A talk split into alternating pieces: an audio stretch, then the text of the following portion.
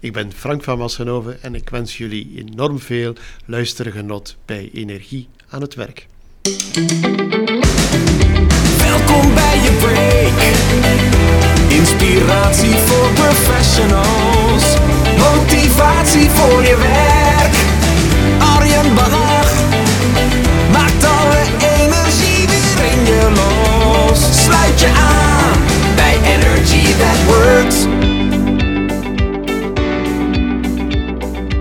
Ja, ja, ja, een nieuwe aflevering weer van de podcast Energie aan het Werk. En jij hebt het in de intro weer gehoord. Het is weer een Belg en wat een lekker accent is het weer. Het wordt geen energie, maar energie. Ik hou van het woord. En eh, ik ben blij en dat wil ik ook graag even met je delen. Waarom? Want de podcast is vanaf nu ook op Spotify te luisteren. En Spotify, dat heeft iedereen. Hè, bij de oude podcast store was het soms wel even de vraag: heb je nou een iPhone? Zit je op Android? Moet je nou via SoundCloud? Hij staat nu gewoon op Spotify en dan kan je hem altijd luisteren. Hoe fijn is dat? Zo ook deze aflevering met Frank van Massenhoven. En Frank zal je misschien niet meteen kennen, want het is een Belg. Iets minder bekend in Nederland, maar hij vliegt de hele wereld over om te vertellen hoe hij de organisatie waar hij een van de leidinggevenden is, totaal heeft veranderd.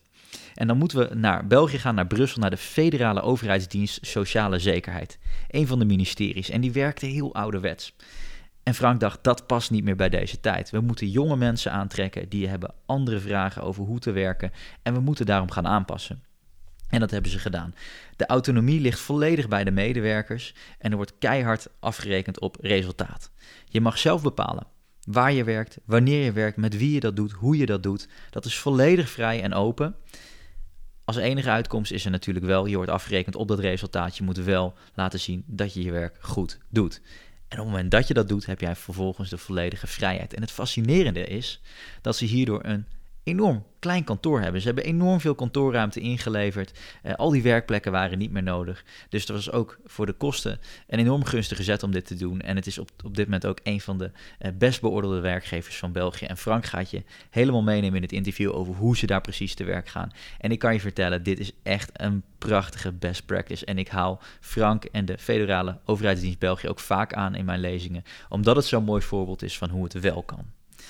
Ik zou zeggen, geniet ervan. Abonneer je dus vooral ook in Spotify op de podcast. Daar kan je hem vanaf nu ook altijd gaan luisteren. Heb je hem altijd gelijk bij de hand. Heb je nog leuke nieuwe gasten? Ik ga binnenkort weer wat nieuwe mensen eh, interviewen. Uh, laat het vooral weten. Uh, en tot slot wil ik nog even één ding met je delen. Want uh, op het moment dat deze podcast online gaat, is het nog één week tot de grote Rocking Up Christmas Benefiet Show. En elk jaar organiseer ik met goede vrienden Thijs Lindert en Sydney Brouwer Rocking Rocking Up Christmas. En dit jaar het vijfde jaar een grote jubileumshow in Theater de Flint. En daar kan je nu nog bij zijn. Er zijn een paar kaartjes en de opbrengst gaat volledig naar kerstpakketten. Want met Rocking Up Christmas brengen wij dit jaar in tien steden door heel Nederland kerstpakketten rond naar mensen die een moeilijk jaar achter de rug hebben. Nou, dat is echt een prachtig doel, alleen we kunnen alle kleine beetjes gebruiken. En als tegenprestatie willen we daar ook nog een hele gave kerstshow voor geven. En wat je dan gewoon kan doen, je kan gewoon naar rockingupchristmas gaan.nl, rockingupchristmas.nl en daar kan je alles vinden. En anders nog kerstisgeluk.nl, daar vind je gelijk een link naar de show in de Flint. Super tof dat je weer luistert. Heel veel inspiratie toegewenst. En het zou heel leuk zijn als je nog iets doet met Rocking Up Christmas.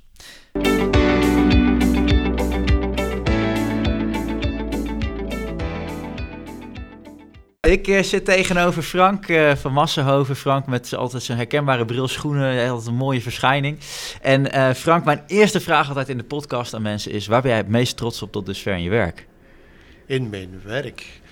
Um, ja, ik, je gaat het raar vinden, maar ik ben er niet zo trots op wat ik gedaan heb.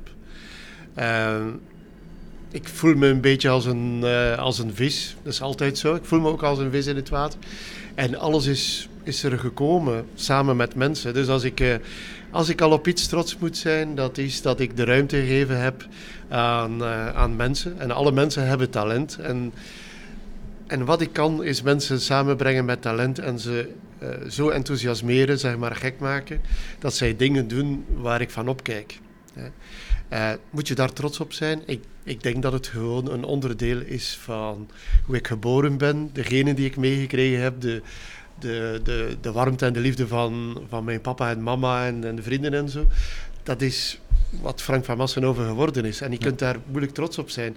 Zoals, ik zal ook nooit zeggen, ik ben eh, trots om Belg of, uh, of Vlaming te zijn. Ik ben daar gewoon geboren. Ja. Dus dat is niets om trots over te zijn. Dus ik ben ook niet echt trots op wat ik echt gedaan heb.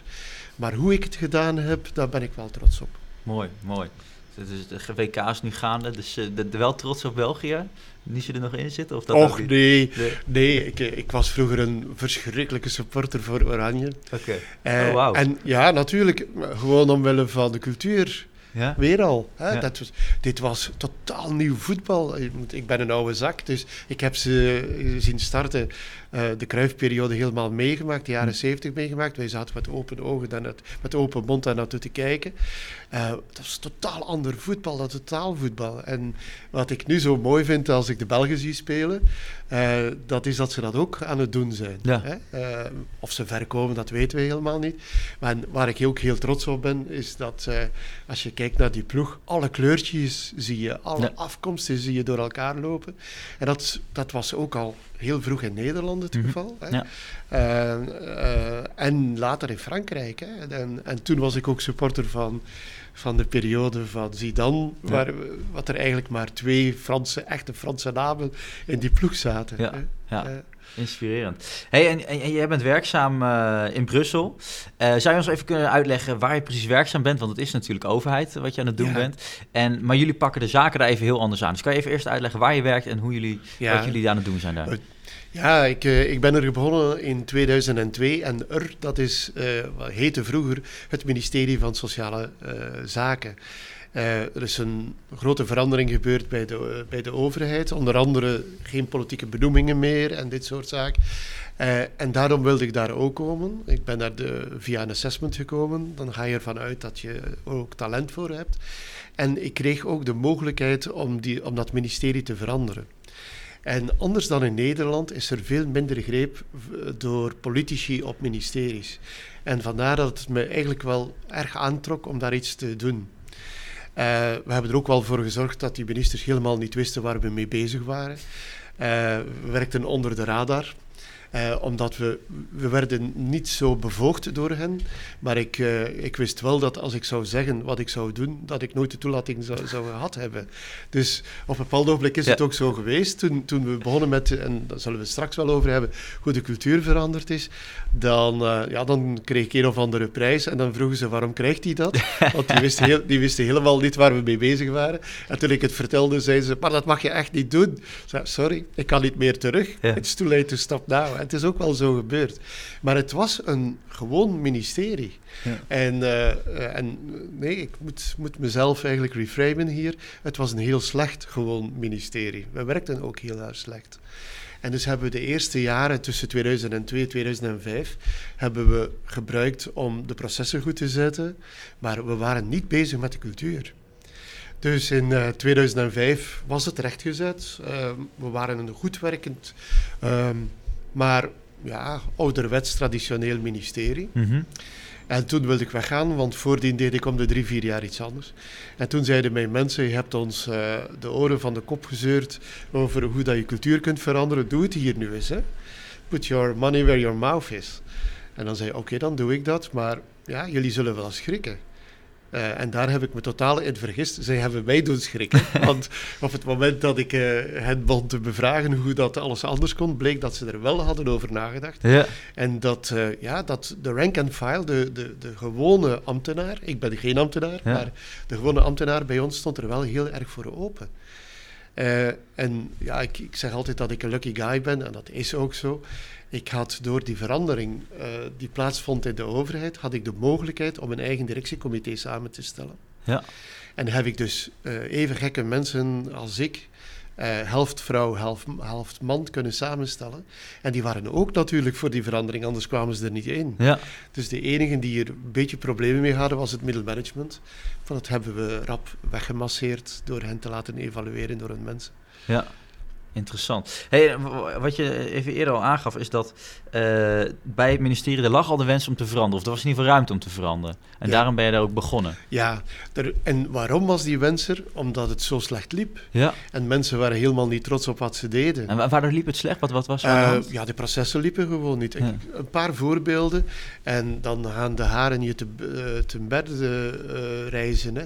Ehm, wij moeten, wij mogen aan mensen eh, die gehandicapt zijn en ook nog arm een, eh, een tegemoetkoming geven, zoals Mhm. het heet. Eh, daar moesten mensen 18 maanden op wachten omdat alles zo slecht georganiseerd was. Ah, En je moet weten dat mensen nu dikwijls in armoede verzeilen en gehandicapt worden, ja. omdat ze oud worden.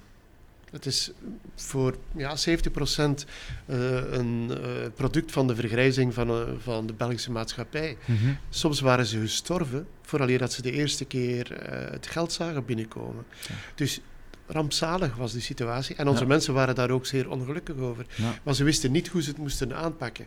Dacht ik. Nee, het management zei hoe het moest. En het was niet hoe, hoe het eigenlijk kon.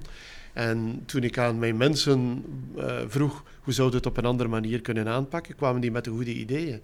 En drie jaar later duurde het drie maanden vooraleer dat mensen eh, eh, het eerste geld kregen. Dus ja, zes keer sneller. Gewoon door te luisteren naar mensen. En dat is altijd mijn eh, absolute overtuiging geweest. Zorg dat je gebruik maakt van alle talent, van alle intelligentie die in die organisatie zit. En beperk je niet tot het eh, ja, dikwijls narcistisch idee van een manager die denkt het goede idee te hebben. Ja. Wauw, want, want in, in feite is het dus voor jullie om, om, de, om de zorgbehoevenden hè, in België, Ja. om die, die te voorzien. Dat is eigenlijk waar jullie voor zorgen, te zorgen dat zij de juiste middelen krijgen. Eh, maar dus door allerlei procedures, veelheid van regels, lukte dat niet. Nee. Nee. En door onze eigen slechte organisatie. Ja, Eh, het kwam ook door het feit dat, ja, de- dat wij een papieren organisatie waren. En er ging enorm veel tijd verloren door het papier van de ene naar de andere te schuiven. Hm. Eh, je ziet, een, een, een dokter moet iemand zien eh, die zegt gehandicapt te zijn, die moet dat vaststellen. Die maakt een rapport en dat rapport eh, bleef daar drie maanden liggen, bij wijze van spreken. maar- Vooraleer dat het weer bij iemand anders kwam die het dossier verder aanvulde. Dan werd er nog eens gekeken wat de inkomsten waren van die mensen. Moest je ook weer drie maanden op wachten. En dus eh, eh, een van de eerste zaken die mij mensen mij zegden, dat was, wij moeten gewoon een digitale organisatie worden. En dan kunnen die, die, die verschillende mensen die een rol spelen in het opbouwen van zo'n dossier, kunnen tegelijkertijd starten met die dingen. Ze hoeven niet op elkaar te wachten tot het eh, dossier bij hen langskomt. En ja, dat was al briljant. Hè. Zo hadden we al de helft van, van de tijd gewonnen. Gewoon na een, een half uur spreken met mensen die al 10, 15 jaar bezig waren met die dossiers, maar die nog nooit gevraagd waren hoe het beter kon. Ja. En dat is wel interessant, want op het moment, eigenlijk ga je iets veranderen en dan wordt heel vaak gezegd, ja, op het moment dat je dingen gaat veranderen in bedrijfsprocessen, in cultuur, eh, dan zijn professionals die zijn ve- veel al tegen, hè, omdat ze tegen Ja. verandering zijn. Maar jij geeft eigenlijk aan, als je dat op een juistere manier framet, Ja, dan staan mensen heel erg in de vooruit. we staan er absoluut voor open. Ja, Dat is zo. Ja. Maar je moet ook altijd kijken, als je, als je met verandering bezig bent in, in, in organisatie, moet je kijken, what's in it for them? Ja. Eh, wat je zeer veel hebt bij een manager, eh, ja, ik maak een plan op en dit is goed voor, me, voor mijn organisatie. Voor ons is dat onvoldoende. Het moet zijn, is het echt wel goed voor de doelgroep? ja, Want dat was echt een probleem bij de overheid vroeger. Hè.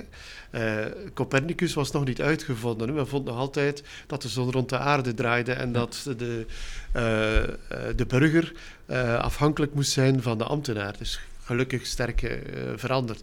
Maar dat was ook zo. Dus, eh, voordien was dat de sfeer, sorry. Ehm, maar wij kijken, is dit eigenlijk wel goed voor de doelgroep? Is dit goed voor de mensen die er moeten mee werken? En is het dan ook nog goed voor de organisatie? En dan heb je... Ja. En natuurlijk is het nu nog breder. Nu kijken we ook nog, is het goed voor de planeet? Eh, is het goed voor de gemeenschap? Bouwen we niet op een verkeerde manier dingen uit? Dat, dat is breder geworden, maar dat is er met de jaren bijgekomen. ja. En, en juist die focus, hè, want dat is wel interessant volgens mij wat je zegt met What's in it for them, is dat die focus eer- eerst heel erg lag misschien op de organisatie, zorgen dat je met het geld wat je binnenkrijgt Ja. allemaal kan doen. En dat je inderdaad op een bepaalde manier de zorgbehoevende helpt. Maar ook heel duidelijk, nu die focus heb jij dan aangebracht om te zorgen, is het ook goed voor onze medewerkers intern. Zeer zeker. Ja, Ehm, ik, eh, in het begin heb ik een paar keer alleen intern gezegd: fuck the customer. Ja. Eh, en iedereen vond het heel raar. En waarom zei ik dat? En ik zei, kijk, je kunt niet klantgericht zijn als je mensen die in het bedrijf werken niet gelukkig zijn met wat ze doen. Mhm. En die, je kunt het ook letterlijk zien als die een telefoon krijgen, die voelen zich niet gelukkig.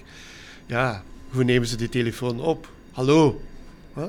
Maar als er iemand is die bijzonder graag zijn werk doet, die het gevoel heeft, ik doe echt iets wat belangrijk is voor deze gemeenschap, ja, dan zegt hij, hallo, hoe kan ik je helpen? Zo werkt het letterlijk, maar het is in alles in het proces zo. Ja. Dat je een totale andere methode krijgt. Dus wij hebben echt gefocust, hoe krijgen we onze mensen gelukkiger? En dan zal automatisch de klantgerichtheid veel beter zijn. Ja. En het was een gok, dat moet je zeggen, maar het, het heeft gewerkt. Heeft- En het werkt niet alleen bij mij. Ik ga de wereld rond en ik zie dat het overal op diezelfde manier werkt. Ja, wauw. En dat betekent dus eigenlijk heel kort gezegd, medewerkers op één, klant op twee. Ja. Ja, ja. Maar, maar natuurlijk zorgen we er ook voor dat de medewerker rechtstreeks in contact komt met de klant. Ja. Wat vroeger ook zeer weinig gebeurde. En niet één tot één, maar wij nodigen ganse groepen uit om met onze mensen te discussiëren over hoe het beter kan, Ja. wat, wat hun verwachtingen zijn en zo verder. Het gevolg is ook dat je een enorme steun krijgt van hen. Hè. Op een bepaald ogenblik hebben wij eh, kritiek gekregen uit de politieke wereld over eh, iets wat in die dienst eh, verkeerd liep. En de eersten die ons ter hulp kwamen, was, waren de mensen waarvoor wij werkten. Die zeiden, sorry, die meenden het goed. Hè? En als jullie politici er maar eens zouden voor zorgen dat die ook nog eh, adequaat gefinancierd worden, zou het misschien wel beter kunnen. En dus na een dag was de discussie afgelopen. We hebben het geld niet gekregen. Mooi. Ehm, eh, en, en, en vervolgens, hè, de, de- want de eerste jaren ben je bezig geweest met het bedrijfsproces. Dus Ja. dat was eigenlijk een beetje de brandjesblus, als Ja. ik het zo oneerbiedig mag zeggen. En toen vervolgens heb je toch besloten langer te blijven. En Ja. je hebt gezegd, we gaan nu iets met de cultuur doen. Ja. Wat is er toen gebeurd? Ehm, ik was al de eerste drie jaar en ik heb het nog drie jaar volgehouden. Eh, eh, in gesprek met mijn mensen om de 14 dagen vroeg ik 15, 16 mensen bij mij langs te komen voor een ontbijt. En die dachten dat ik ergens wilde over spreken, dat ik een agenda had. Dat had ik helemaal niet. Ik wilde gewoon horen hoe het was om bij ons te werken. En te ruiken wat de cultuur was. En, en natuurlijk ook om te voelen wat mensen echt wel wilden van het leven. Niet alleen van het werk, maar ook van het leven. En eh ultiem eh, is de vraag dan, wat maakt je gelukkig, wat maakt je ongelukkig? Eh, en wat bleek, mensen zeiden, onze job maakt ons zeer gelukkig. Maar eh, we hebben wel een hondenleven. Want we moeten naar Brussel komen, uit alle mogelijke plekken in België. Dat, eh, en we moeten hier dan acht uur zijn. En het kost ons drie, vier uur om hier te komen en terug thuis eh, te geraken. Wij hebben evenveel verkeersproblemen als Nederland, zelfs meer nu, want jullie hebben het beter opgelost, stilletjes aan. Dus wij hebben 11, 12 uur op een dag zijn we kwijt aan het werk. En we hebben geen tijd voor familie, voor vrienden. En dat durfden ze toen nog niet te zeggen, maar dat is eigenlijk het belangrijkste in mijn leven. Van alle mensen is dat zo, ook voor bij mij zo. Dus ik kreeg een onwaarschijnlijk cadeau voor hen, van hen, om te, zo, te, doordat ik kon beginnen denken over tijd en plaatsonafhankelijk werken. En natuurlijk ondertussen was de technologie zo gevorderd dat je dat ook kon. Ja. Als je in de jaren negentig, ja, in een eh, internetloze wereld, was dat moeilijker natuurlijk. Hè. En eh, zelfs in die periode, toen we ermee bezig waren, waar was er wifi? Hè? En, eh, ik zeg het altijd, ja, in, in, in een eh, slechte koffieverkopende zaak eh, van Amerikaanse origine. Hè? Mhm. Eh, maar voor de rest was die er niet. Hè? En dus moesten we wel thuis werken, ja. dacht ik toen. en dat hebben we dat uitgezet. En nu denk je natuurlijk, nou, nu is er overal wifi. Maar wat zie je, mensen werken nog altijd thuis. Dat hebben we dan gaandeweg gevonden. In feite is dat de headquarters of your life. En doordat wij niet meer zeggen aan onze mensen waar ze moeten werken, wanneer ze moeten werken, we zeggen ook niet hoe ze moeten werken, dat, dat maken ze zelf uit. Maar vooral de eerste twee zaken, dan zorgt ervoor dat zij hun leven echt kunnen inrichten Ja. volgens hun eigen wensen. En dan moet je natuurlijk daar iets tegenover zetten, want wij moeten resultaten halen. Dus maken we afspraken met hen over welke de resultaten moeten zijn en niet meer waar en wanneer ze zich moeten be- bevinden. Hè. Wauw. Dus dat is even een hele omslag van hoe de manier Ja. wordt gewerkt. Wat wel interessant is, dat volgens mij ook heel erg terugkomt in, ik weet niet of je dat kent, in het boek Drive van Daniel Pink over Ja. eh, wat mensen motiveert. En daar komt dit ook heel erg terug, hè, dat, Ja. je, dat je daar die eigenschap over hebt. Maar laten we eens beginnen met die beslissing. Op een gegeven moment eh, hoor jij al die verhalen en denk je, we gaan het anders doen. Ja. Dan denk je van, nou, plaats en tijd onafhankelijk werken. Ja. Hoe, hoe, wat zijn dan de stappen die je dan neemt? Ja, en natuurlijk, voor mij was het eh, plaats- en tijdsonafhankelijk werk op zichzelf niet belangrijk. Maar Nee. ik zag dat het heel belangrijk was voor mijn mensen. Ja. En wij hadden allerlei plannen om eh, op totale andere manieren om te gaan met onze processen. En ik had wel door dat dit misschien wel op wat eh, ongerustheid zou uitdijnen bij mijn mensen.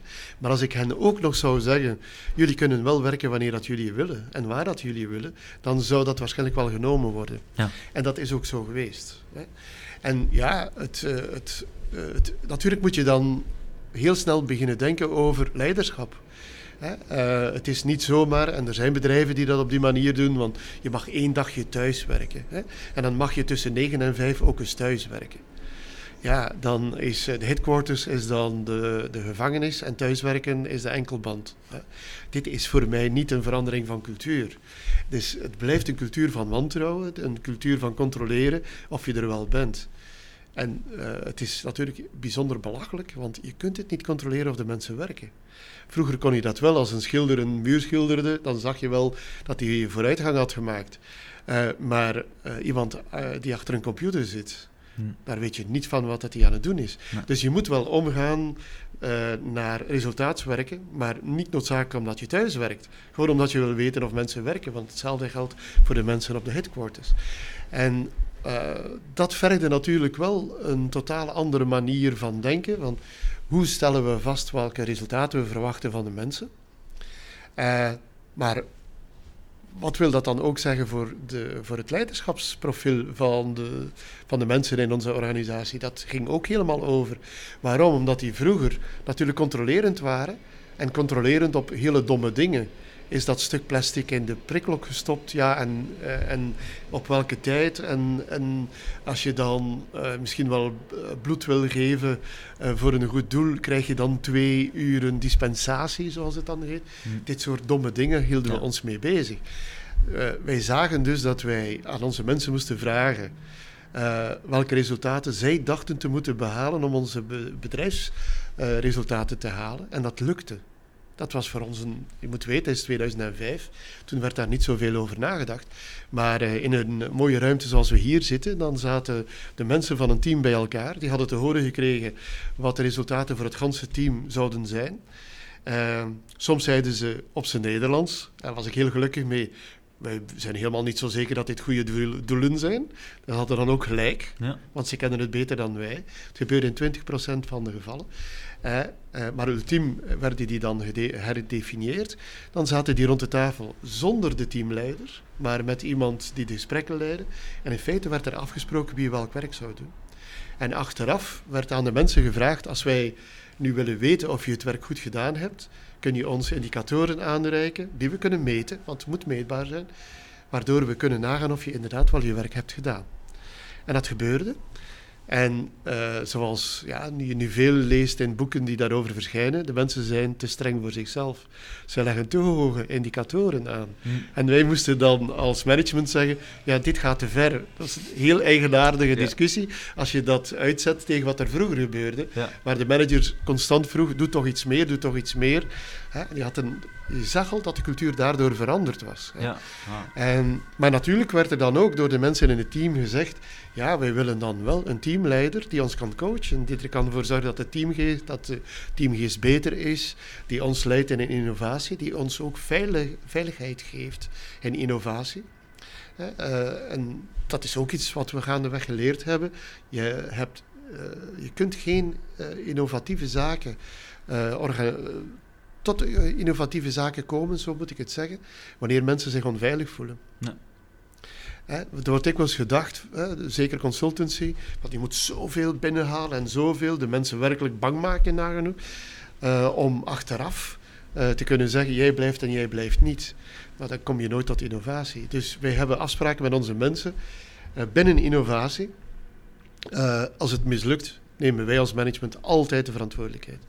Als het, eh, maar als het lukt, dan zeggen we dat we er niks mee te maken hebben gehad en dat jullie het schitterend gedaan hebben. Ja. Wat gelukkig in de meeste gevallen eh, gebeurt. Hè. Ja. En dus alle prijzen ook die wij gekregen hebben, dan zie je mensen van ons op het podium staan, maar geen managers. Ik sta er nooit, tenzij dat het een persoonlijke prijs is. Ja. En zelfs dan vraag ik toch of het niet iemand anders kan zijn van mijn organisatie. Eh, dat zorgt voor een warme cultuur, maar dat zorgt voor een veiligheid. En dat is eh, een van mijn belangrijkste taken voor mijn mensen. Ik moet hen eh, de veiligheid geven die ze nodig hebben om innovatief te zijn. En ik moet hen soms beschermen tegen politici bijvoorbeeld, Ja. of andere organisaties die op, met de ouderwetse cultuur werken. Ja, prachtig. Die, die, die, twee begrip veiligheid en innovatie, daar wil ik zo meteen graag nog even Ja. terugkomen, want dat is heel interessant. Maar heel, eerst nog eventjes naar eh, eh, de, de prestaties. Die worden natuurlijk belangrijk dat je, dat je, dat je die wel kan meten. Ja. Ehm, en je, ze- je geeft aan dat de, de professionals zelf eh, mogen aangeven van wat zij gaan doen. En misschien ook bijdragen aan het doel. Want dat vind ik dan wel even interessant. Want dat is absoluut. vol- volgens mij ook belangrijk dat je als organisatie een bepaald doel hebt waar je aan bijdraagt, toch? Absoluut. En dat hadden we in 2005 niet door. Want toen, de, de wijze waarop wij onze upper purpose eh definiëren, ja, dat, dat was ik, dat was een select groepje rond mij. Want toen hadden we nog het paternalistisch idee dat, dat je dat toch wel niet kon overlaten aan de gewone mensen, want die waren in onze organisatie, want die waren toch niet gewoon om strategisch te denken enzovoort. Hè. Ehm, maar dus hebben wij de verandering doorgevoerd met onze mensen en zonder consultancy. Eh, tussen 2005 en 2009. In 2009 zijn we omgegaan. En helemaal omgegaan. Echt kladderadash. Van de ene op de andere dag. Maar zij hadden het voorbereid, dus het werkte. Mhm. Wat, wat eh, onwaarschijnlijk was. Hè. En natuurlijk begon ik in 2010 te denken, ja, nu moeten we wel denken aan de volgende strategie. En ik, eh, en ik blog naar mijn mensen en ik blog, blogde hen door dat ik eh, begon na te denken erover. En ik kreeg van een derde van mijn mensen mails en andere berichten binnen. Natuurlijk moeten we eraan denken, het is al veel te laat eigenlijk en we gaan ook meedoen. Je denkt toch niet dat jij dat alleen kan? Heerlijk, Ja. ja. Dat hebben we ook gedaan. En dan is, zijn we tot een strategie gekomen waar ik zelf nooit zou aan gedacht hebben, die ook veel verder lag, die zelfs eh, ervoor zorgde dat sommige diensten bij ons zouden verdwijnen en naar een andere organisatie gaan. Dat wil dus zeggen dat eh, mijn mensen zo geëvolueerd waren in het denken over hoe dat je met de klant omgaat, dat ze hun veilige nest durfden eh, te ontvluchten. En te zeggen, ja, wij moeten hier weg. Want wij, wij horen eigenlijk bij die dienst die dat soort publiek ook aan het eh, eh, beheren is. Had ik nooit gedacht dat dit zou gebeuren. Dus ja, zij kennen het doel, ze kennen het upper purpose, ze hebben het zelfs mee gedefinieerd. Hm. Eh, en dat is ook weer een leerproces voor mij geweest. Hè? Ja. Want eh, eh, ja, ik word dikwijls zo ge, geïnterviewd en dan denkt iedereen dat ik een halve goeroe ben. Maar dat is helemaal niet waar. Bijna alles wat, wij, wat ik nu aan het verkondigen ben, hebben wij mensen gevonden, Mhm. hebben we samen gevonden. Maar dit enorme aspect van strategie kan ook door iedereen in de organisatie meebepaald worden. Dat is toch wel zeer verregaand. En ik vind het in heel weinig organisaties. Ja.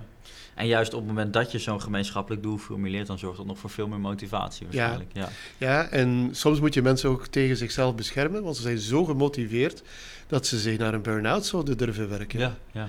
En eh, er zijn nogal wat mensen bij mij eh, waar ik eh, geregeld de agenda opvraag, zoals in de, in de school vroeger, om te kijken of ze niet te veel werken. Oh, ja. Want dat, ja, als, als familie dan belangrijk is, dan moet je toch wel tijd mee. En de vrienden belangrijk, is, belangrijk zijn, ja, dan moet je toch wel tijd voor, eh, voor uittrekken Ja. om, eh, om daarmee bezig te zijn. Hè. En dan moet je dan eh, misschien de enige keer op een loopbaan hen zeer bestraffend toespreken. Dan zeggen nee, je mag niet zo hard werken, want ik wil helemaal niet dat je in een burn-out komt. Het zijn dikwijls de meest gedreven, perfectionistische mensen die naar een burn-out gaan. Hè. Ja. En je hebt ook anderen die een bore-out hebben. Hè? Dat is een Ja. totaal, maar dat is bij ons komt het eigenlijk niet voor, omdat eh, mensen willen ook wel werken aan het doel van de organisatie. En als ze vinden dat ze te weinig werk hebben, vragen ze erbij. ja. En, en hoe zorg je nou dat die, die purpose, zoals jij dat noemt, van de organisatie, dat die een beetje leeft? Ja, het is van hen. Eh, eigenlijk eh, zorgen zij er geregeld voor dat ik er moet naar leven. Want je moet weten, dat hebben we ook nog eens vastgelegd in waarden. Ja. Er zijn een vijftal waarden, welke die zijn, die zijn eigenlijk onbelangrijk. Dat is Ja. raar om vast te stellen, want je vindt altijd respect. In de helft van de gevallen vind je respect. Eén keer op de drie vind je nog vertrouwen. Maar natuurlijk wat van belang is, is hoe dat mensen dat invullen. Ja. En we hebben hen dat ook gevraagd. En die zijn op de proppen gekomen met 500 lijnen. Ik, ik zag Waanzinnig. Ja. Hè? We hebben die dan eerst 2000, hè? dan 500, we hebben die dan teruggebracht tot 400. En dit is mijn leidraad. Dus als je eh, bij ons op een, op een directiecomité zou komen en daar wordt beslist, dan zal je zien dat er niet beslist wordt eh, wat ervoor ligt of dit nu een goed voorstel is of een slecht. Wij gaan ervan uit dat het een goed voorstel is inhoudelijk. Maar we kijken of het eh, wel spoort met de cultuur van onze organisatie. Mooi. En dan pas kan ik zeggen, ja, dat gaan we goedkeuren. Ja. En ik ben de uiterste bewaker van de cultuur. Dus eigenlijk, ik heb alleen maar die opdracht in mijn eigen organisatie. Naar buitenuit heb ik de opdracht van, eh, van ons bekendmaken, van mijn mensen beschermen. Maar binnenin ben ik eigenlijk de keeper of the values. Ja. Eh, maar mijn mensen houden mij ook op mijn tenen. Als er, als er iets beslist wordt waarvan wij denken, dit klopt met onze ideeën. En, eh, en sommigen vinden in onze organisatie dat dat niet het geval is. Nou, dan krijg je een ongelooflijke discussie erover. Heel, heel leuk. Hè? En eh, ja, dikwijls, ja, in de meeste gevallen moeten we toch als management eh, toegeven dat we een aantal zaken uit het oog zijn verloren. En dat, dat we het inderdaad moeten reframen. ja. Ja. Tof. En je, je, mooi dat je jezelf echt de bewaker van de cultuur noemt, want dat is natuurlijk het belangrijkste. Ja. En ook tof dat jullie daar hè, de voorstellen echt zeggen, dat is het in lijn met de cultuur, dan is het een goed voorstel. Eh, moeilijke vraag, maar heb jij een definitie van cultuur? Nee, Nee? Nee, eh, ja, maar je kunt die allemaal maken. En, en, Ja. en de, en de managementgurus zullen er wel hele mooie maken, natuurlijk. Maar eh, een definitie heb ik niet, maar ik heb wel een geur ervoor. Namelijk, je ruikt het als je binnenkomt in, in een organisatie. Je ruikt de cultuur. Ja. En je ziet het ook. Je ziet het aan, aan hoe mensen lachen of niet lachen. hoe mensen naar je toe komen. Eh, in, in, een, in een gesloten organisatie met een slechte cultuur. Ja, dan kijken mensen heel snel terug naar een computer als er iemand langskomt. Die ze niet kennen, want ze, ze willen niet gestoord worden. Ze doen gewoon een job. En, eh, en om vijf uur eh, hopen ze naar huis te kunnen gaan en niet te warme trein. Ja. Ehm, ik heb ooit dus de nummer twee van de BBC bij ons op bezoek gehad.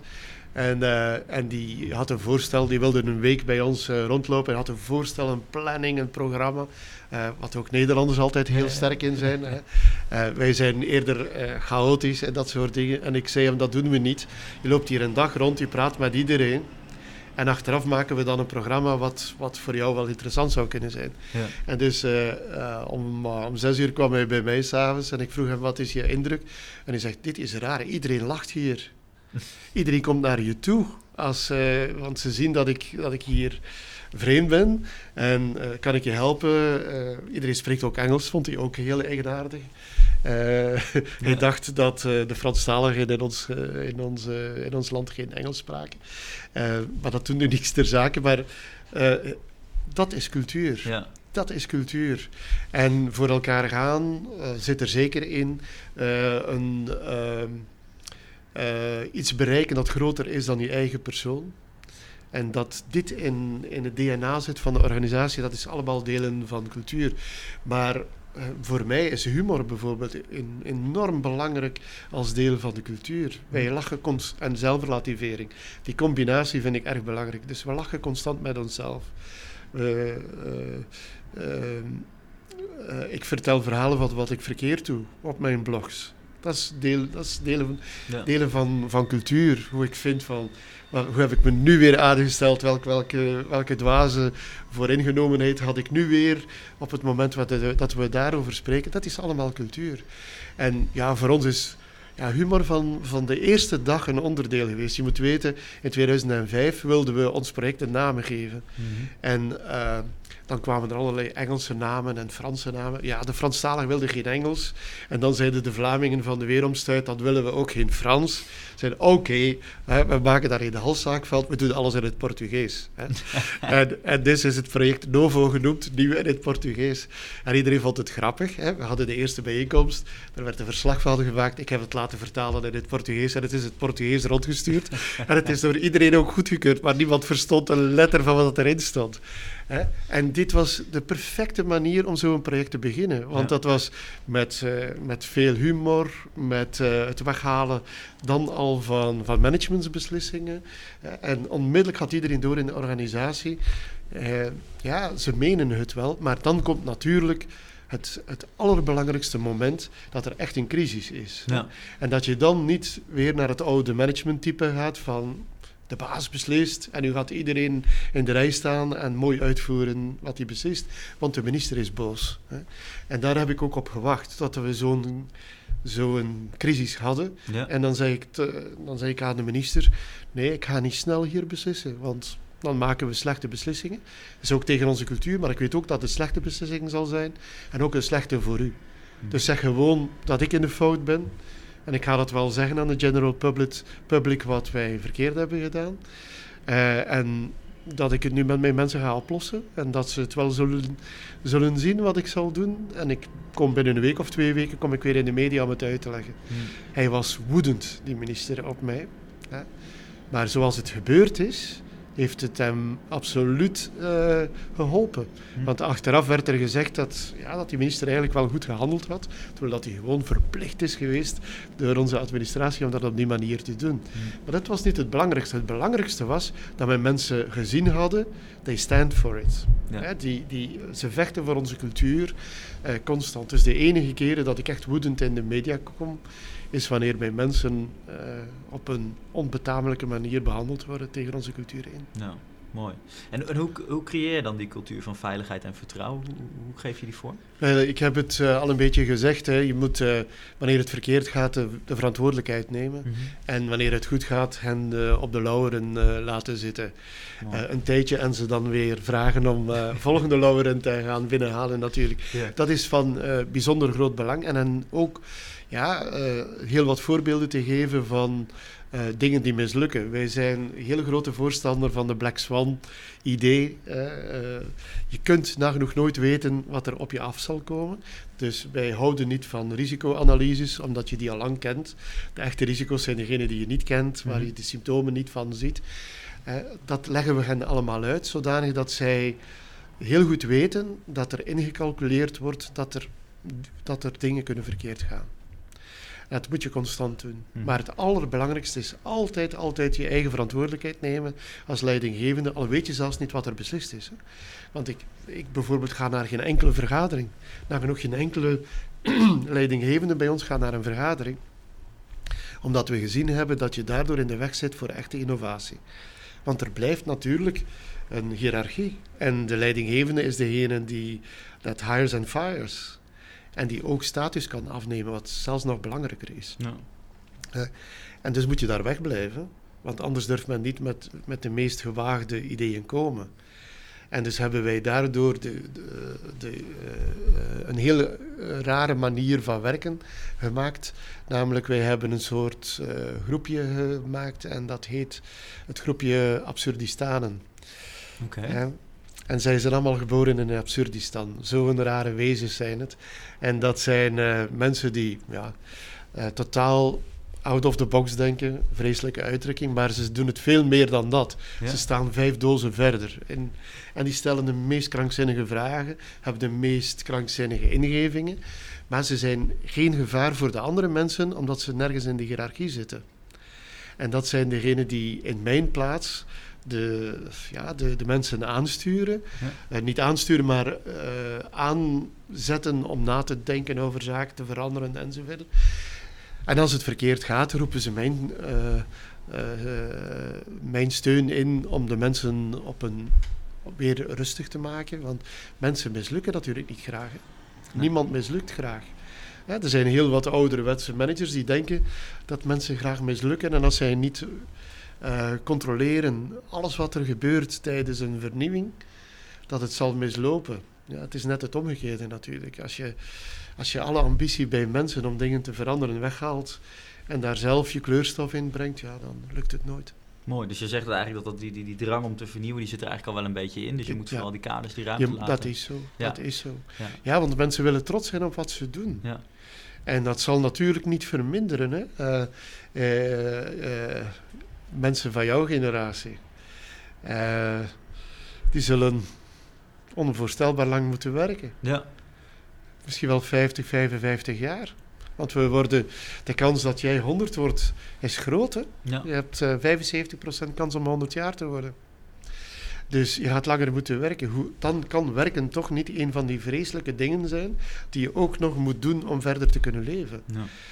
Dus het, het, het moet iets zijn wat je ongelooflijk trots maakt, wat je respect geeft bij de omgeving, die, die ervoor zorgt dat je een hechte kring hebt rond je, maar ook die ervoor zorgt dat je heel goed ligt in je familie, bij je vrienden, waardoor dat je ja, ook weer beter kan werken. Dat is de, de circulaire beweging die wij hebben gezien. Mensen brengen nu veel meer tijd door bij hun vrienden en familie, maar zijn minder ziek, zijn hebben veel minder een burn-out, hebben nagenoeg nooit depressies.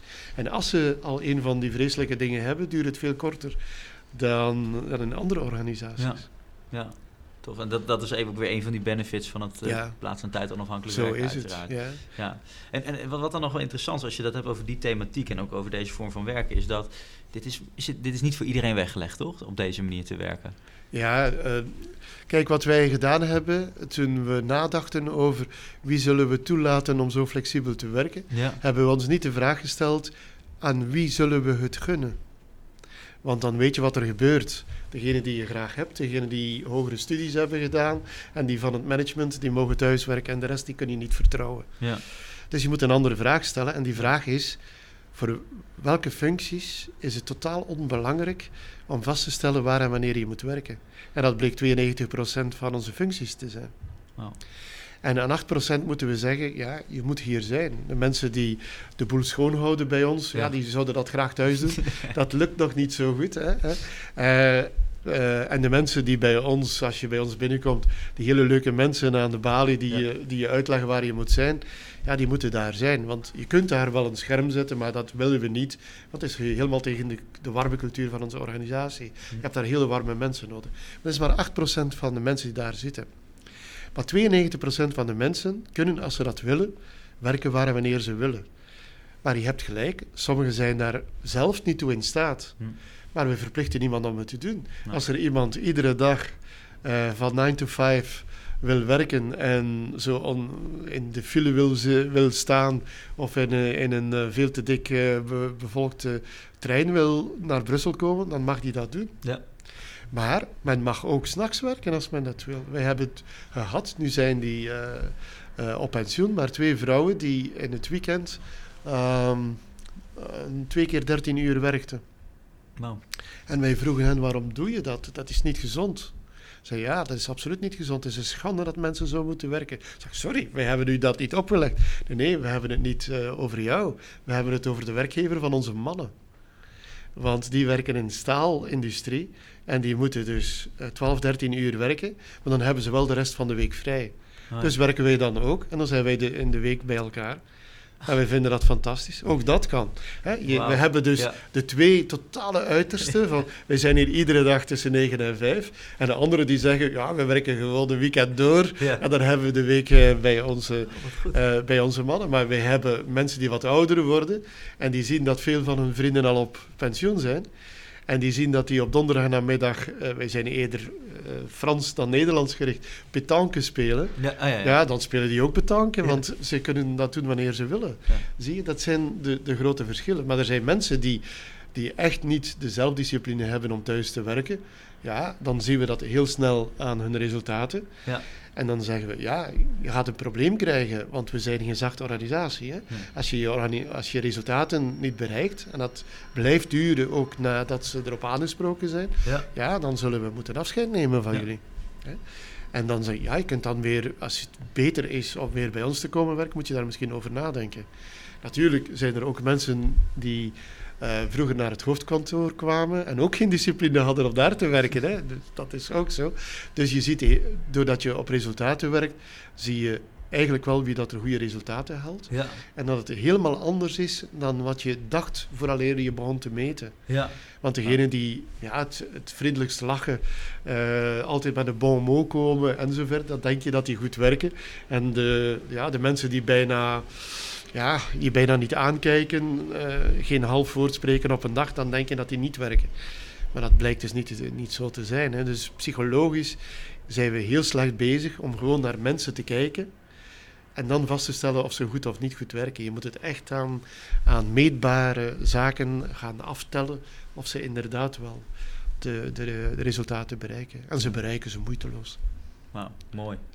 En waar ik nog wel ten, uh, benieuwd naar ben tot slot. Uh, als je gaat kijken naar jullie cultuur en jullie communiceren ook openlijk, toch als ja. overheidsinstelling, dat jullie een happy organisatie zijn, een sexy organisatie willen ja.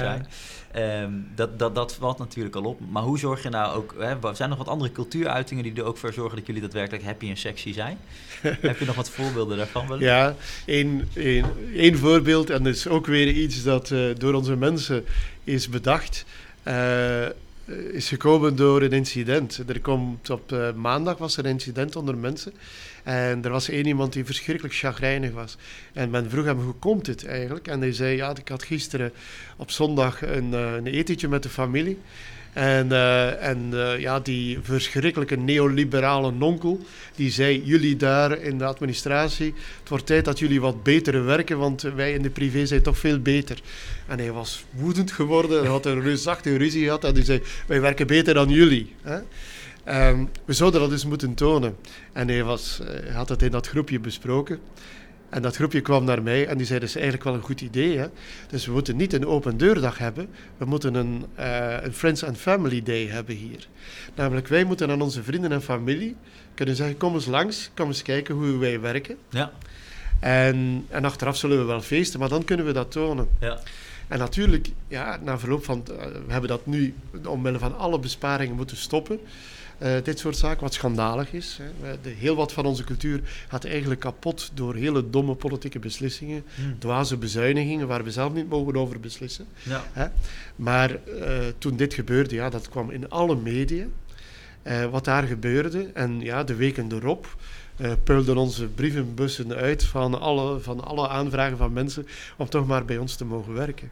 Dus we hebben zelfs nu in België, het is niet anders in Nederland denk ik, is er echt een enorm tekort op de arbeidsmarkt. Er, Ja. zijn, ja, er zijn provincies in, in ons land waar de frictiewerkloosheid onder de 2% valt. Volgens de geldende economische wetten heb je frictie nodig van 5% om een economie vlotjes te laten werken. Dus het is een zwaar tekort. Ja. Wat wij hebben voorspeld dat die War for Talent er zou komen, want we zitten natuurlijk op die gegevens. Vandaar dat wij ook wilden veranderen. Hè, um, om mensen aan te trekken. Maar wat zien we nu? Dat we nog altijd even aantrekkelijk zijn. Dat we niet verlegen moeten zijn om, mensen, Nee. om zeer goede mensen bij ons te krijgen. Dat is wel even interessant, want je- want je- jullie hebben, werken natuurlijk heel veel met de doelgroep. Ja. En jullie hadden die War on Talent een aantal jaren terug al een beetje aanzien komen. Ja, En toen hebben jullie gezegd, dan wordt het extra belangrijk dat we dus die aantrekkelijke werkgever Ja. worden. ja omdat, omdat er niet het verschil is tussen uh, in de toekomst nog minder tussen de privé en publieke sector, maar vooral dat het paradigma verandert. Vroeger zat je als uh, baas van een personeelsdienst achterover geleund te wachten op alle kandidaten die bij, bij jou wilden komen werken, want ze waren talrijk. Ja. Maar nu, door uh, de enorme tekort op de arbeidsmarkt, uh, zullen degenen die mogelijk kunnen werken zelf beslissen waar ze zullen werken. Ja. En wat je dan ziet is, uh, je, je, kent het, uh, het gezegde, je gaat niet weg omwille van het werk, je gaat weg omwille van een slechte baas. Wat wil zeggen, ja, je, kijkt, je kijkt eigenlijk naar cultuur. Ja. En, en, niet naar wat je doet, maar in welke omgeving kun je doen wat je doet. Ja. En dat, bij ons zie je dat enorm, dat omwille van onze cultuur, dat mensen enorm graag bij ons uh, komen werken. Hm. Wow. Kijk, ik mag heel veel spreken op hogescholen, universiteiten voor mensen die net afgestudeerd zijn. En dan geef ik hen ook die raad. En ik zeg hen, ik weet wat jullie nu gaan doen. Nu gaan jullie op zoek naar een, naar een droomjob. Doe dat niet. Je, zult je zal ongelooflijk ontgoocheld zijn. Want er is grote kans dat je in een organisatie komt met een slechte cultuur. Ja. Dan mag je wel die job doen die op het eerste zicht heel mooi is, maar dan zit je in, in een verschrikkelijke omgeving. Dus doe het anders. Zoek een organisatie met een, met een hele open, warme cultuur en creëer daar je, je droomjob. En, en ik kan dat met zoveel overtuiging zeggen, omdat ik dat zie gebeuren bij Ja. ons. Wij uh, uh, recruteren nagenoeg nooit mensen nog op diploma's. Wel op intelligentie. We hebben natuurlijk heel wat mensen die onwaarschijnlijk mooie studies hebben gedaan. Hè. Ja, natuurlijk vind ik ook dat mensen diploma's moeten halen. Maar wat het diploma is, interesseert mij niet zo erg. Omdat drie jaar later je iets totaal anders doet. Uh, onze omgeving ziet er onwaarschijnlijk mooi uit, uh, met veel kleuren. Hè. Wij hebben niet het soort legbatterij-omgeving. Uh, um, het is ook heel stil. We zorgen ervoor dat we mensen betalen, niet alleen met geld, met tijd, maar ook met stilte. We hebben zelfs een methode om antigolven te maken, waardoor dat alles heel stil wordt, heel mooi wordt. Als je neerzit, dan zie je maar vier, vijf mensen. Word je ook niet constant afgeleid om te werken. Ja. Kun je geconcentreerd werken. Dat is allemaal van, van bijzonder groot belang om je cultuur te tonen ja. aan anderen. Hè. Maar de, wat ik wil toekomen is, de man die dit idee heeft bedacht, die heeft politieke wetenschappen gestudeerd. Die had geen binnenhuisarchitectuur nee. gestudeerd of, of, of, uh, of, uh, of, ingenieur met geluidsgolven. Nee, hij had politieke wetenschappen gestudeerd. De mevrouw die bij ons tot voor kort de communicatie deed, is een, uh, is een industrieel ingenieur. Ik bedoel, het is, dat diploma doet er gewoon niet toe. En dit is, dit is natuurlijk wat, wat van groot belang is bij mensen. Om, waarom? Omdat, kijk, als je gaat studeren op je 18e, 19e, ja, weet je echt of je daar uh, veel talent voor hebt. Je denkt het. Ja. Hè? En je omgeving zegt het. Maar dikwijls, dat is bij mij ook het geval geweest, heb ik maar veel later doorgehad welke talenten veel groter waren en, en die beter geschikt waren om uit te voeren. En ook talenten die mij gelukkiger maakten. Ja. En dat is ook voor iedereen in de organisatie. Ja, wat tof. En, en heel, heel, kort even door, hoe, hoe, hoe, hoe, zorg je dat je dan ook daadwerkelijk jezelf je baan kan vormgeven? Want dat heeft natuurlijk ook een beetje te maken met de ruimte om innovatief te ja. zijn. Hoe jagen jullie dat aan? Hoe creëren jullie die ja. omgeving? Um, dit is gebeurd door het idee van functie van een persoon los te laten. Hm. Dus uh, iemand in onze organisatie uh, heeft nagenoeg nooit één functie. Maar we hebben rollen. En je kunt er een aantal bij nemen. En je hebt natuurlijk een grote rol. En meestal zeggen mensen dan dat is zijn functie of haar functie. Maar je hebt ook andere rollen. Ja. En wat zie je? Dat mensen rollen uitproberen. Ook dingen waarvan ze voor dit nooit gedacht hebben dat ze daarmee aan de slag zouden gaan. Ja. En dan zie je, oh, dat kan ik eigenlijk wel goed. Of dat geeft me meer plezier. Of uh, op die manier uh, heb ik blijkbaar een grotere meerwaarde voor ons team. Hè? En dan beginnen ze zich daarin uh, ja, te bekwamen. En na verloop van tijd merken ze dat uh, de grootste rol die ze dan uitvoeren iets totaal anders is dan wat ze vroeger gestudeerd hebben of wat ze in de eerste fase van een carrière hebben uitgevoerd. Ja. En dan op die manier kun je dat echt doen. Ja. Uh, de mensen aanspreken op nieuwe zaken. En wat we ook uh, geprobeerd hebben, is alle mensen aan te praten om een bijjob te doen. Los van de job die ze bij ons hebben, iets als ja, je eigen bedrijfje maken, bij wijze van spreken. Uh, waarom? Omdat je dan de entrepreneurship gevoelens van die mensen ontwikkelt. Ja. En heel wat hebben dat ook gedaan. Een aantal zijn, ons, zijn ook bij ons weggegaan, omdat hun bedrijfje goed begon te draaien. Ja. En zeiden, ja, we gaan ons bedrijfje uit, wat fantastisch is natuurlijk voor de economie. Hè? Dat, dat er een aantal start-ups daardoor ja. gecreëerd zijn. Maar ook, als ze dan weer bij ons komen, die, die vier vijfde of drie vijfde dat ze dan bij ons zijn, zijn ze dan ook veel meer entrepreneur dan ergens anders. Ja. En weten ze ook wat hun talenten zijn. En doen ze in vele gevallen ook weer iets anders dan wat ze voordien deden. Ja. En juist door plaats van tijd onafhankelijk te werken heb je daar ook meer ruimte. Je kunt dat ook doen, hè? Ja. Zo is het. Ja, het loopt allemaal mooi samen. Ja, ja. Zou ik tot slot nog een paar vragen aan jou mogen stellen als persoon, Frank? Ja hoor. Ik ben allereerst wel benieuwd, uh, wie is jouw grootste inspiratiebron? Is die er? Ja, is gestorven. En dat is? Dat was David Bowie. David Bowie? Ja. En, en waarom? Ah, hij veranderde altijd. Als je één seconde niet keek, zag hij er helemaal anders uit. Maakte hij weer totaal andere muziek. Ja. Uh, ja, kijk, de, en, en natuurlijk de, de, on, on, de ongelooflijke genot om te veranderen. Uh, het is natuurlijk een generatiegenoot, hè, dat speelt mee. Ja. En muziek is, is mijn grootste inspirator geweest. Uh, alles wat ik, wat ik doe in mijn leven, het beginpunt is muziek geweest. Ja. Zelfs boeken lezen, studeren, komt eigenlijk door muziek. Want ik wilde wel een David Bowie of een Frank Zappa worden. Hè. Ja. Uh, ik wilde ook wel voetballer worden, maar een Cruijff zat er niet in dit lichaam. Absoluut niet.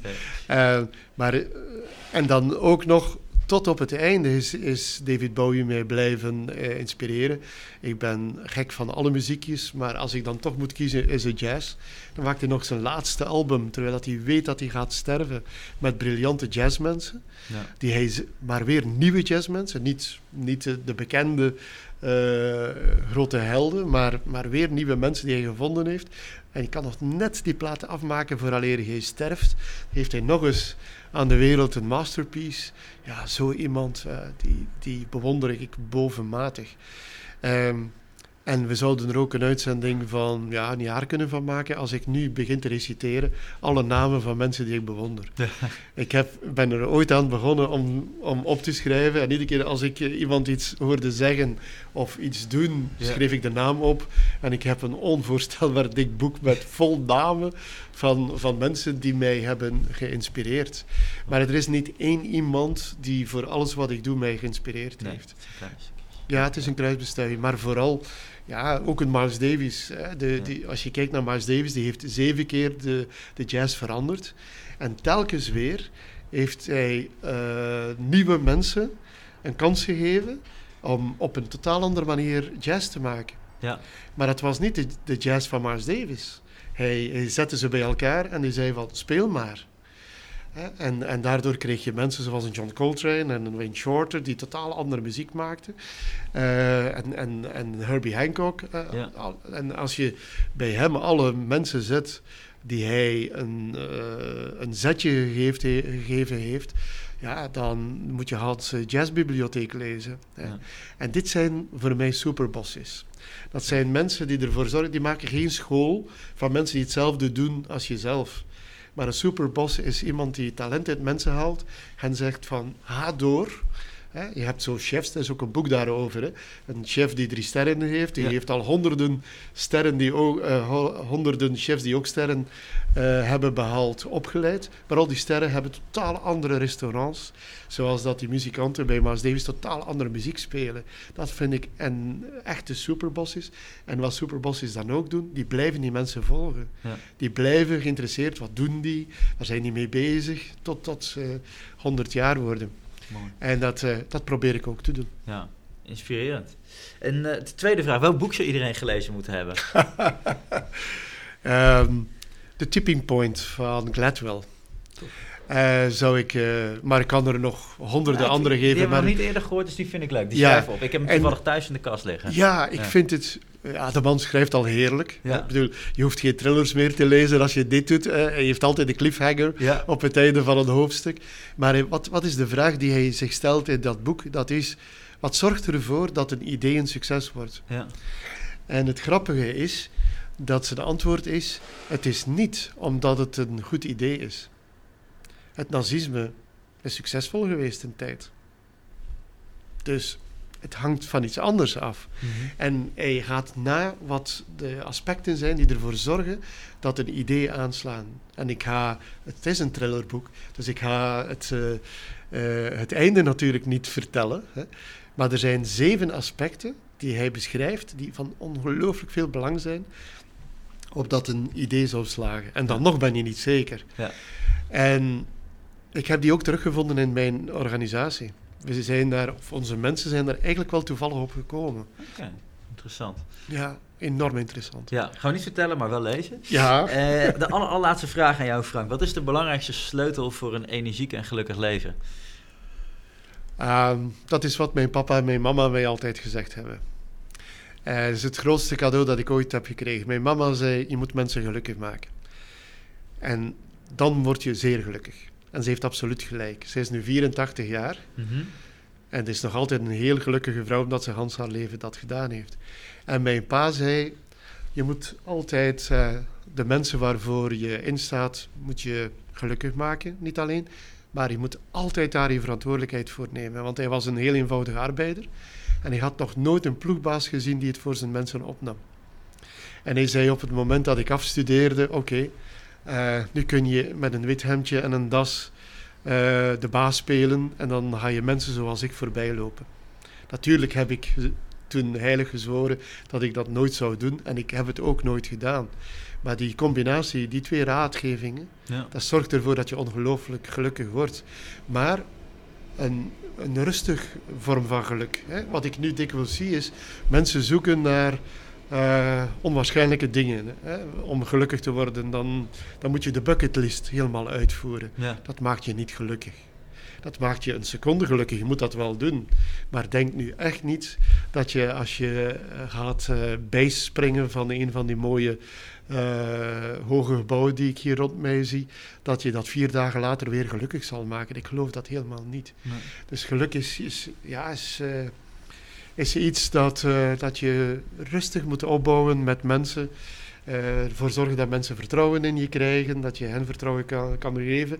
En na verloop van tijd krijg je zo'n mooie vriendschappen dat je doodgelukkig bent. En natuurlijk, ja, moet je ook wel geluk hebben. Hè? En ik, ja, ik uh, ben een lucky guy. Ik ben een, echt een zondagskind. Ik heb altijd alle geluk in het leven, dus dat komt er nog eens bovenop. Ja, ja. Nou, ik vind het in ieder geval twee hele mooie uh, om mee af te sluiten. Inderdaad, zorgen dat je andere mensen gelukkig maakt. En dat je ook vooral kijkt, en dat, dat zei je vader dan ook, hè, dat, je, Ja. dat, je, dat je andere mensen kan mobiliseren. Ja. Ja. Op het einde van, eh, van zijn carrière is mijn pa nog ploegbaas geweest. En heeft dat ook uitgevoerd. Op het moment dat hij met pensioen ging, Ja. heeft, eh, heeft hij een, eh, een feestje gekregen waarvan hij niet wist dat het zou komen. En er waren mensen op dat feest die al tien jaar met pensioen waren en die kwamen voor mijn papa. Dus dan heb je het verschil gemaakt. Ja. Hè, voor de vroegere ploegbazen werd nooit het feestje gegeven. Nee. Wauw. Ik denk dat het een hele mooie afsluiter is van het interview. Dankjewel, Frank. Dankjewel.